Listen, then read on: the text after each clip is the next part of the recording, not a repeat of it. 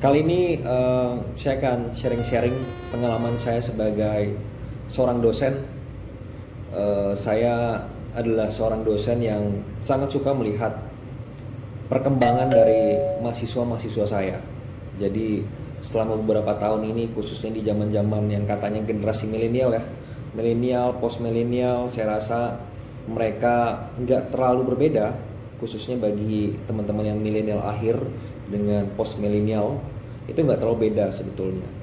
Pemicunya tetap adalah yang pertama adalah eh, digitalisasi yang sangat cepat membuat karakteristik mahasiswa juga sangat berbeda. Dan uh, selama beberapa tahun menjadi dosen saya ngelihat bahwa uh, saya dulu itu beda banget sama yang teman-teman mahasiswa zaman sekarang. Kalau zaman dulu kita belum terlalu terkoneksi dengan digitalisasi dengan media sosial yang terus menerus kita lihat itu belum. Namun zaman sekarang ini kayaknya hampir ya teman-teman yang mungkin mahasiswa yang nonton video ini karakteristik anda itu berbeda banget. Nah saya ingin membahas beberapa karakteristik yang saya rasa menjadi uh, hal yang paling menonjol dari teman-teman mahasiswa milenial ataupun post milenial nah yang pertama yang menurut saya paling menonjol itu adalah uh, teman-teman mahasiswa milenial ini orangnya tahu banyak tapi uh, dangkal. Mereka tahu so many things tapi dangkal di pemahamannya. Jadi mereka tahu tentang uh, bisnis, mereka tahu tentang uh, e-sport, mereka tahu tentang yang lain lagi, tapi pada dasarnya mereka nggak terlalu dalam memahami sesuatu sehingga pada saat mereka punya ide mereka mungkin cepat melakukannya tapi base nya karena mereka sedang ada sedang oh, sedang tinggi tingginya semangat karena mengetahui hal baru. Tapi setelahnya mereka nggak tahu tuh bagaimana cara pengembangan berikutnya seperti apa bagaimana oh, nanti di masa depan seperti apa. Nah rata-rata itu melewatkan bagian yang itu. Sedangkan bagian itu memerlukan kedewasaan berpikir. Sebenarnya ide-ide mereka itu sangat-sangat bagus. Jadi mereka tahu banyak tuh hal yang bagus. Karena zaman sekarang itu peluang-peluang itu didapatkan dari hal yang sangat berbeda dikoneksikan satu sama lain timbullah suatu konsep-konsep baru. Ya begitu kan? Bagaimana bisnis startup? Gojek misalkan siapa yang mengira bahwa Gojek bisa menghubungkan antara restoran dengan dengan ojek pangkalan bisa menghubungkan dengan tukang salon, dengan tukang bersih-bersih, bisa sampai sekarang bayar uang sekolah, itu kan semua hal-hal yang berbeda dulu, tapi bisa dikoneksikan.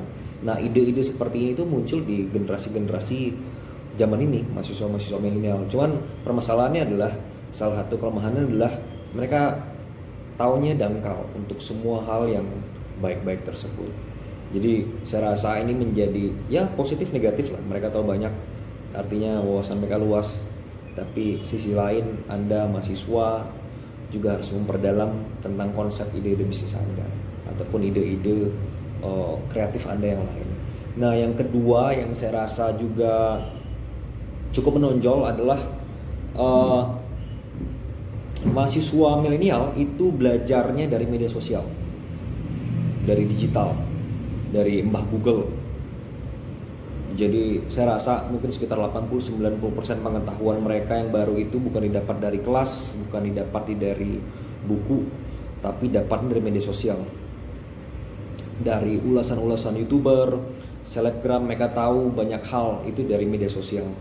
Sedangkan kita tahu sendiri bahwa media sosial ini belum tentu yang mereka sampaikan itu benar ataupun belum tentu yang mereka sampaikan itu adalah uh, akurat sudah teruji gitu ya makanya sekarang itu kan ya orang yang beli kosmetik-kosmetik itu hanya gara-gara diiklankan oleh selebgram langsung percaya. Kalau sebetulnya banyak aspek yang harus kita uh, hati-hati dalam memilih kosmetik misalkan. Tapi ya generasi milenial saya ngeliat mahasiswa itu banyak belajar dari sosial media. Dan itu suatu hal yang bagus juga menurut saya. Artinya mereka cepat update tapi kekurangannya adalah mereka nggak dapat backup yang cukup dari landasan-landasan teori pola berpikirnya seperti apa. Ya itu tadi mungkin karena mereka akhirnya tahu banyak tapi dangkal. Media sosial itu benar atau tidaknya jadi harus pandai-pandai memilih. Nah yang berikutnya uh, saya ngeliat karakteristiknya ini teman-teman mahasiswa zaman sekarang ini mereka suka hal praktis nggak suka teoritis. Mereka suka-suka hal yang praktis nggak suka yang terlalu banyak teori-teorinya model-model itu seperti apa enggak jadi cara kita menyampaikan saya sebagai dosen juga harus menyampaikan dengan cara bahasa mereka bahasa yang sangat aplikatif banget. Kalau teori A ini di di, di kenyataan itu seperti apa? Dan menurut saya inilah karakteristik generasi milenial ini merupakan kekuatan mereka karena sesuatu hal yang ribet itu bisa dibuat simple sama mereka Berikutnya uh, mahasiswa yang saya ngelihat cukup kentara itu karakternya adalah uh, mereka itu nggak fokus. Jadi gampang berpindah fokus dari titik A tiba-tiba ke B. Pak, saya pengen uh, nyobain bisnis A. Tiba-tiba berapa bulan kemudian, Pak, saya udah di B. Tiba-tiba udah C, kembali lagi ke A. Akhirnya nggak jalan ke mana-mana. Mereka nggak punya fokus yang kuat. Saya rasa mungkin karena terlalu banyak media-media yang mereka tonton pada saat ini itu juga membuat mereka tidak terlalu uh, lama fokus terhadap sesuatu. Kalau saya ngajar biasanya di kelas mereka tuh baru fokus mungkin maksimal sekitar 30 sampai 45 menit. Sisanya mereka nanti udah ke mana-mana tuh matanya udah mulai ngantuk lah, udah mulai pengen keluar kelas lah. Dan itu menjadi tantangan juga bagi saya dosen yang untuk mengajar teman-teman milenial ini tuh gimana caranya supaya dengan waktu yang simple efektif di depan itu saya bisa menyampaikan inti-intinya karena berikutnya setelahnya mereka akan kesulitan untuk berkonsentrasi. Berikutnya uh, saya ngelihat mahasiswa sekarang itu mereka sangat terbuka dengan ide-ide baru walaupun terkesan radikal ya. Walaupun terkesan radikal mereka tuh tapi terbuka banget dengan ide-ide baru. Karena mungkin banyak sekali cara berpikir, cara sudut pandang dari luar yang udah masuk ke Indonesia. Karena kita banyak melihat uh, konten-konten yang dari langsung dari luar. Jadi teman-teman milenial mahasiswa milenial pada zaman sekarang ini mereka terbuka dengan ide baru. Walaupun berkesan radikal.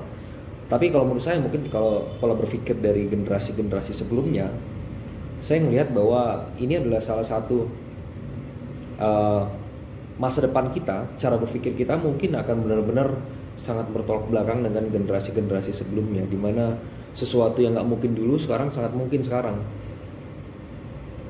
Jadi zaman saat ini apalagi sudah dengan teknologi yang sangat cepat harga-harga juga sekarang karena teknologi membuat harga semakin murah jadi banyak ide-ide radikal yang dulu tidak seperti itu bisa seperti sekarang dan generasi ini mereka itu punya kebebasan berpikir yang sangat luas punya ide-ide yang sangat radikal. Dan radikal dalam artian di sini bukan radikal yang negatif ya. Radikal di sini maksud saya adalah sesuatu ide yang dulu mungkin belum teruji sama sekali tapi bisa terwujud uh, seperti sekarang. Kalau dulu ya ibaratnya gini kalau zaman dulu kita pengen ke dokter ya harus datang ke dokter. Di mana pun kita ya kita harus mencoba untuk berkendara datang ke dokter tersebut. Kalau zaman sekarang siapa yang mengira anda bisa bertemu dokter dari handphone anda? Jam berapapun di mana pun tinggal ngeklik obatnya datang. Siapa yang berpikir sampai sejauh itu nggak ada. Dan generasi milenial tuh punya pola berpikir yang out of the box yang sangat powerful. Nah, yang terakhir saya ngelihat cukup uh, cukup sangat terlihat oleh saya karakteristik generasi milenial ini, mahasiswa milenial ini mereka ini sangat independen. Mereka punya ide, mereka sangat independen dengan ide mereka. Walaupun belum teruji, walaupun nggak terlalu dalam tapi mereka sangat independen dalam pendirian mereka memilih program studi kampus-kampus sekarang udah rata-rata kalau dulu zaman saya pengaruh orang tua tuh kuat kalau zaman sekarang rata-rata teman-teman yang memilih sendiri program studinya orang tuanya mendukung membackup karena ya generasi zaman sekarang sudah tahu banyak tahu cepat banyak gampang banget mereka dapat update. Dan mereka dari uh, dari muda juga mereka sudah punya uh, dasar yang secara di hati mereka tuh pengen pengen milih apa tuh mereka akan milih itu secara independen. Dan mereka kadang-kadang nggak masalah kalau lihat orang berbeda. Karena generasi pada saat ini melihat sesuatu yang berbeda itu suatu hal yang unik yang harus dipertahankan. Uh, itu karakteristik-karakteristik yang saya ngeliat tuh sangat menonjol di mahasiswa-mahasiswa saya. Saya nggak tahu kalau di uh, di kampus lain ataupun bagi dosen-dosen lain, tapi saya secara pribadi saya selalu mencoba untuk justru banyak belajar dari mahasiswa-mahasiswa milenial ini karena kadang-kadang mahasiswa milenial ini sudah tahu berapa langkah di depan mengenai sesuatu yang baru, ide-ide yang baru dan justru akan membuat kita dosen ini semakin terpacu untuk belajar lebih banyak lagi. Mungkin sekilas teman-teman ya ngobrol-ngobrol santai mengenai karakteristik mahasiswa-mahasiswa milenial. Benar atau tidaknya ini kembali kepada Anda, tapi pendapat saya adalah seperti ini generasi milenial. Generasi milenial ini, mahasiswa milenial ini adalah calon uh, calon-calon penerus bangsa yang yang powerful. Mereka punya sumber daya yang sekarang tidak terbatas. Dengan pikiran mereka, dengan jaringan mereka, dengan teknologi yang mereka punya di tangan mereka. Tinggal bagaimana Anda, generasi milenial, bisa memanfaatkan kelebihan-kelebihan tersebut menjadi sebuah eksekusi yang baik. Jangan cuma tahu banyak, tapi eksekusilah dengan baik. Tahu dalam supaya kita nggak salah melangkah, nggak perlu hancur-hancuran.